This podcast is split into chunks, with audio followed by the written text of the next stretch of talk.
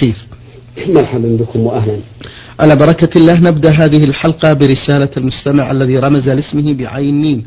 يقول نرجو إيضاح معنى الذهب بالذهب والفضة بالفضة مثلا بمثل يدا بيد مع التمثيل مأجورين. الحمد لله رب العالمين. وأصلي وأسلم على نبينا محمد خاتم النبيين وإمام المتقين وعلى آله وأصحابه ومن تبعهم بإحسان إلى يوم الدين. معنى قوله صلى الله عليه وعلى آله وسلم الذهب بالذهب والفضة بالفضة مثلا بمثل يدا بيد أن الإنسان إذا باع ذهبا بذهب فلا بد فيه من أمرين.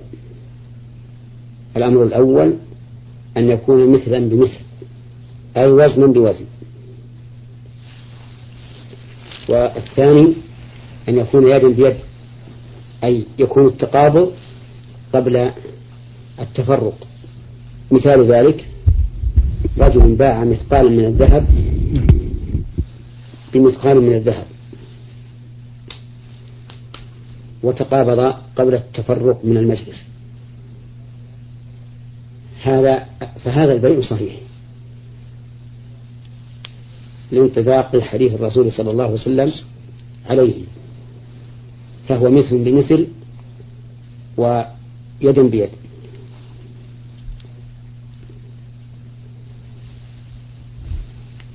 ومثال ما لا يصح. أن يبيع مثقالا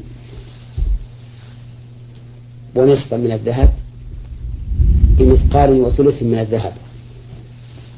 فهذا البيع لا يصح لأنه ليس مثلا بمثل بل أحدهما مثقال ونصف والثاني مثقال وثلث فلم يحصل التماثل فلا يصح البيع. ويسمى هذا ربا الفضل. ولو باع عليه مثقالا من الذهب بمثقال من الذهب لكن تأخر القبض.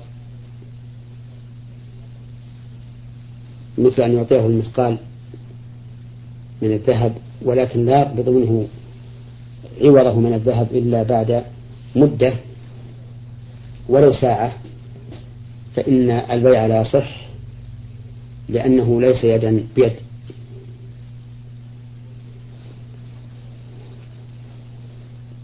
وكذلك نقول في قوله صلى الله عليه وعلى آله وسلم الفضة بالفضة أي أنه إذا باع فضة بفضة فلا بد من هذين الشرطين.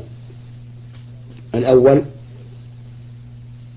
أن يتماثلا في الوزن والثاني أن يحصل القبض قبل التفرق مثاله أن يبيع مثقالا من الفضة بمثقال من الفضة مع التقابض في المجلس فالبيع هنا صحيح لانطباق الحديث عليه. فهو مثل بمثل ويدا بيد.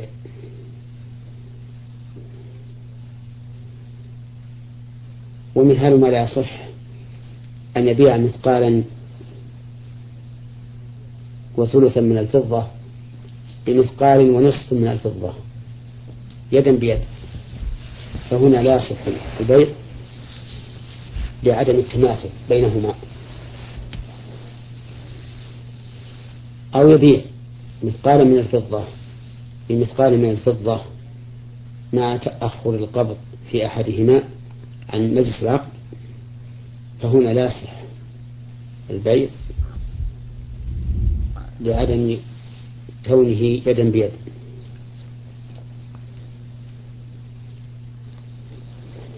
وبه نعرف ما سبق. من أنه إذا بيع الذهب بالذهب فلا بد فيه من أمرين التماثل وزنا والتقابض في مجلس العقد وإذا بيع فضة بفضة فلا بد من أمرين التماثل في الوزن والتقابض في مجلس العقد. هذا هو معنى الحديث منطوقا ومفهوما. بارك الله فيكم. له سؤال آخر. هذا المستمع الذي رمز لاسمه بعين ميم يقول أيهما أكثر ثوابا صلاة القيام أم صلاة التراويح؟ وهل لا تعتبر الصلاة صلاة قيام إلا إذا نام المرء ثم استيقظ؟ وهل تختلف في صفاتها عن صلاة التراويح؟ فهل هي مثنى مثنى وآخرها ركعة أفيدوني بذلك. هذا السائل يعتقد أن هناك فرقا بين التراويح والقيام. والحقيقة أن لا فرق بينهما فالتراويح من قيام الليل. ولهذا نعتبر المسلمين قائمين برمضان من أول ليلة. نعم. وأن قوله عليه الصلاة والسلام من قام رمضان إيمانا واحتسابا غفر له ما تقدم من ذنبه. يشمل التراويح فإنها من القيام بلا شك. نعم. لكن جرى عرف الناس أن ما أطيل فيه القراءة والركوع والسجود فهو قيام وما خفت فهو تراويح. وهذا مفهوم عرفي وليس مفهوما شرعيا. بل المفهوم الشرعي أن القيام والتراويح شيء واحد. كلاهما قيام لليل. لكن القيام المعروف عند الناس يطال فيه الركوع والسجود لأنه غالبا يقع في آخر الليل وآخر الليل ينبغي فيه الإطالة ليتمكن الناس من الدعاء على ما يريد من الدعاء بما يريدون. فإن آخر الليل وقت الإجابة لقول النبي صلى الله عليه وعلى آله وسلم ينزل ربنا إلى السماء الدنيا حين يبقى ثلث الليل الآخر فيقول من يدعوني فأستجيب له ومن يسألني فأعطيه ومن يستغفروني فأغفر له حتى يطلع الفجر. وقول السائل أو القيام ما كان بعد النوم نقول هذا السؤال مبني على ما سبق من أن السائل يظن أن هناك فرقا بين التراويح والقيام. فإذا قلنا أن القيام هو الصلاة في الليل ويشمل التراويح لم يرد علينا هذا السؤال. نعم. بارك الله فيكم. السائلة رمزت لاسمها بميم صاد تقول أكرمنا الله عز وجل بدخول دين الإسلام. أنا وبعض إخواني وسؤالي ما هي حقوق الوالدين الكافرين على الأبناء المسلمين؟ وكذلك الأشقاء والأقارب من حيث الزيارات والنفقة والصلة ومتى تكون النفقة واجبة ومتى تكون مستحبة؟ بارك الله فيكم. الواجب على الولد المسلم تجاه والديه أن يبرهما فيما يتعلق بأمور الدنيا. لقول الله تبارك وتعالى ووصينا الإنسان بوالديه حماته أمه وهنا على وهن وفصاله في عامين أن اشكر لي ولوالديك إلي المصير وإن جاهداك على أن تشرك به ما ليس لك به علم فلا تطعهما وصاحبهما في الدنيا معروفا. فأمر الله تعالى أن يصاحب أن يصاحب الوالدين الكافرين في الدنيا معروفا. فننفق عليهما ونكسوهما ونهدي إليهما. ومع ذلك ندعوه ندعوه ندعوهما إلى الإسلام. فلعل الله أن يوقع في قلوبهم الإيمان حتى يسلموا. وكذلك يقال في الأرحام على الأقارب الذين ليسوا بمسلمين يقال إن لهم رحما لا بد من صلاتها. فتوصل ويدعى هذا القريب ويدعى هذا القريب الموصول إلى الإسلام. لعل الله أن يفتح عليه. نعم. بارك الله فيكم. هذا السائل محمد حامد الصبحي مكة المكرمة يقول أسأل عن سنة صلاة الفجر إذا فاتت المصلي. هل يجوز للمصلي أن يصلي السنة بمنزله إذا كان من جيران المسجد؟ سنة الفجر وغيرها من السنن الأفضل أن تكون في البيت حتى ولو كنت في مكة فإن صلاتك النافلة في بيتك أفضل من صلاتك إياها في المسجد الحرام. ودليل ذلك أن النبي صلى الله عليه وعلى آله وسلم قال وهو في المدينة أفضل صلاة المرء في بيته إلا المكتوبة. وهذا عام. وقد قاله في المدينة فيدخل فيه مسجده عليه الصلاة والسلام مع أنه قال صلاة في مسجد هذا أفضل من ألف صلاة فيما سواه من المساجد إلا مسجد الكعبة.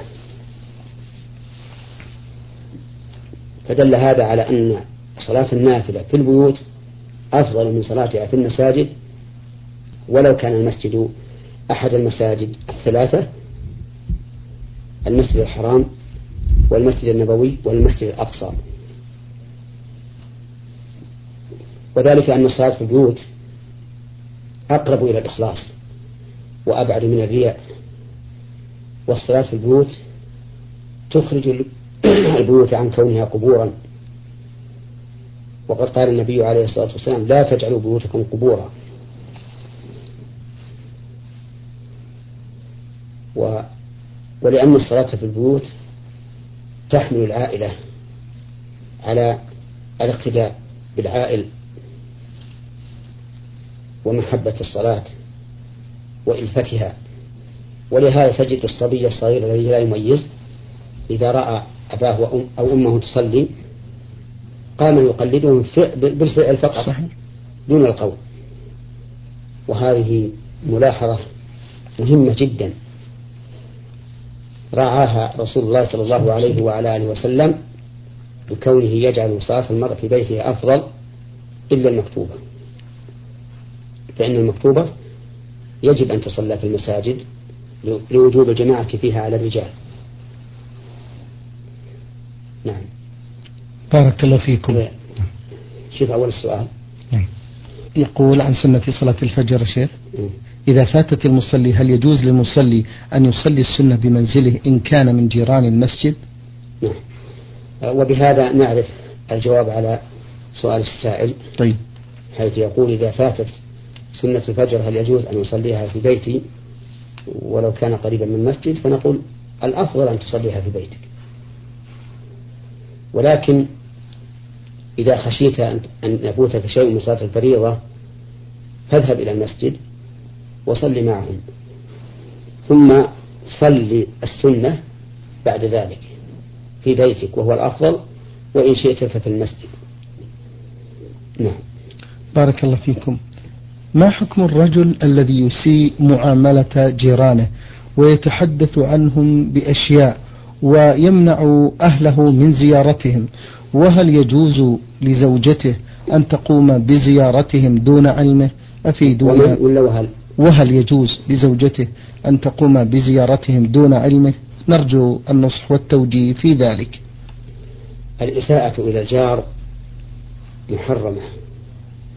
ونقص في الإيمان. لقول النبي صلى الله عليه وعلى آله وسلم من كان يؤمن بالله واليوم الآخر فليكرم جاره.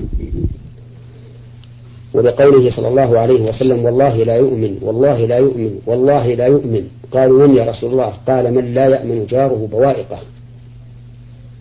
يعني ظلمه وغشمه. وهذا دليل على نقص الإيمان نقصا كبيرا بعدم إكرام الجار أو بالإساءة إليه بالقول أو بالفعل. وفي الحديث عن رسول الله صلى الله عليه وعلى آله وسلم أنه قال ما زال جبريل يوصيني بالجار حتى ظننت أنه سيورثه. فيجب على الجار إكرام جاره والكف عن أذيته حتى لو فرض أن الجار يؤذيه فليصبر وليحتسب وليقم بواجبه فيكون أفضل الرجلين حيث قام بالواجب وصبر على أذية جاره وأما كونه يمنع زوجته من زيارتهم أي من زيارة جيرانه فهذا يرجع إليه نفسه. إذا كان يخشى على زوجته إذا خرجت إلى الجيران أن يفسدوها عليه أو كان عند الجيران شباب يخشى على زوجته أن تفتتن بهم أو يفتتن بها فحينئذ يمنعها. وله الحق في ذلك. ولا يحل لها بعد منعه أن تخرج إليهم إلا بإذنه لأن الزوج هو راعي البيت. نعم. بارك الله فيكم. السائلة سين ميم ألف الزهراني تقول أسأل فضيلة الشيخ عن المرأة التي زوجها لا يصلي وهي متمسكة بالصلاة مع العلم بأنها بذلت مجهودا كبيرا في إقناعه ولكن دون جدوى ليصلي ولديها أطفال منه فماذا تعمل مأجورين؟ الواجب عليها بعد أن بذلت ما تستطيع من نصح هذا الرجل. الواجب عليها أن تفارقه وأن تذهب بأولادها إلى أهلها لأن الزوج الذي لا يصلي كافر مرتد خارج عن الإسلام. ومعلوم أن المرأة المسلمة لا تحل للكافر بالنص والإجماع. قال الله تبارك وتعالى في المهاجرات فإن علمتموهن مؤمنات فلا ترجعوهن إلى الكفار لا هن حل لهم ولا هم يحلون لهن. بل تذهب هي وأولادها إلى أهلها. وسوف يجعل الله لها فرجا ومخرجا. إن شاء الله. ما دامت خرجت لله فإنها سوف تجد ما يغنيها عن هذا الزوج. وربما إذا خرجت يهتدي هذا الزوج. نعم. ويحاسب نفسه. ويقول كيف أجعل نفسي سببا لتمزق عائلتي؟ ولا يحل لها أن تبقى مع هذا الرجل طرفة عين ما دام لا يصلي. بارك الله فيكم فضيلة الشيخ. هذا السائل منيع أمطيري الحسو يقول أعمل في بيع المواشي فهل على هذه التجارة زكاة؟ أفيدوني بذلك. نعم عليها زكاة. لأن هذه المواشي في حقك. كأموال التجار. من القماشين وأهل الذهب وأهل الأواني. وهذه التجارة تسمى عروض التجارة. وعروض التجارة كل ما أعده الإنسان للربح من مواشي أو سيارات أو معدات أو أراضي أو غير ذلك. كل ما أعد للبيع والتربح فإنه عروض تجارة تجب زكاته. وكيفية الزكاة؟ أنه إذا جاء وقت الزكاة وهو تمام الحول تحصي ما عندك من عروض التجارة وتقدر ثمنها بما تساوي عند وجوب الزكاة ثم تخرج ربع العشر. أي واحدا من الأربعين. فإذا كانت هذه المواشي التي عندك تساوي أربعة آلاف ففيها مئة ريال. ربع العشر. لأن الواجب في الذهب والفضة وعروض التجارة ربع العشر. أي واحد من أربعين وإن شئت فقل اثنين ونصف من المئة. وإن شئت فقل خمسة وعشرون من الألف. نعم. بارك الله فيكم. السائل منيع مطيري يقول في سؤاله الثاني قرأت في كتاب أن هناك دعاء يقال في السجود بعد سبحان ربي الأعلى وهو اللهم اغفر لي خطيئتي وجهلي وإسرافي في أمري فهل هذا الدعاء صحيح؟ هذا الدعاء صحيح. لكن كونه في السجود فقط لا. هذا يقال في السجود وفي غير السجود. وقد ثبت عن النبي صلى الله عليه وعلى آله وسلم أنه قال أقرب ما يكون العبد من ربه وهو ساجد. وأنه قال وأما السجود فأكثر فيه من الدعاء. فقمن أن يستجاب لكم. أي حري أن يستجاب لكم لأن العبد أقرب ما يكون من ربه وهو ساجد. فأنت إذا سبحت الله قلت سبحان ربي الأعلى. مرة واحدة أتيت بالواجب وأذنت ما ثلاث وإن زدت إلى عشر فحسن وإن قلت مع ذلك سبحانك اللهم ربنا وبحمدك اللهم اغفر لي فحسن لأن النبي صلى الله عليه وعلى آله وسلم كان يكثر أن يقولها في سجوده وفي ركوعه أيضا. وإن زدت مع ذلك سبوح قدوس رب الملائكة والروح فحسن لأن النبي صلى الله عليه وعلى آله وسلم كان يقول ذلك في ركوعه وسجوده. ثم ادعو الله تعالى بما شئت من أمور الدين وأمور الدنيا. حتى أمور الدنيا لك أن تدعو الله بها في صلاتك. لأن الدعاء نفسه عبادة سواء دعوت بأمر يتعلق بالدنيا أو بأمر يتعلق بالآخرة ما لم يكن إثما. فادعو الله تعالى بما شئت في صلاتك وفي غير صلاتك وأما قول بعض أهل العلم إنه لا يدعو في صلاته بما يختص في الدنيا إنه لا يدعو في صلاته بما يختص بالدنيا فقول ضعيف لأن الدعاء نفسه عبادة ولا ولا علاقة للمدعو به إلا أن يكون إثما فإن دعا الإنسان الإنسان بإثم فإنه حرام عليه ولا يستجاب له. نعم. السائل سين عين من الرياض يقول آه، فضيلة الشيخ ما رأيكم في التعدد وما شرطه؟ رأينا في التعدد أنه أفضل من الاقتصار على واحدة لما في ذلك من كثرة النسل وكثرة تحصيل الفروج والغالب في المجتمعات أن النساء أكثر من الرجال فيحتاجن إلى من يحصن فروجهن والإنسان إذا كان عنده واحدة فقد أحسن إلى واحدة وعلمها مما علمه الله من أمور الشرع. وإذا كان عنده اثنتان زاد خيرا فعلم اثنتين وأرشدهما وقام بمأمورهما وإذا كان عنده ثلاث كان أكثر. وإذا كان عنده أربع كان أكثر. فكلما تعدد الأزواج عن الزوجات فإنه أفضل وأحسن. للمصالح التي تترتب على ذلك. لكن لا بد من من شروط. الشرط الأول القدرة المالية. بأن يكون عند الإنسان ما يدفعه مهرا وما ينفقه على الزوجات.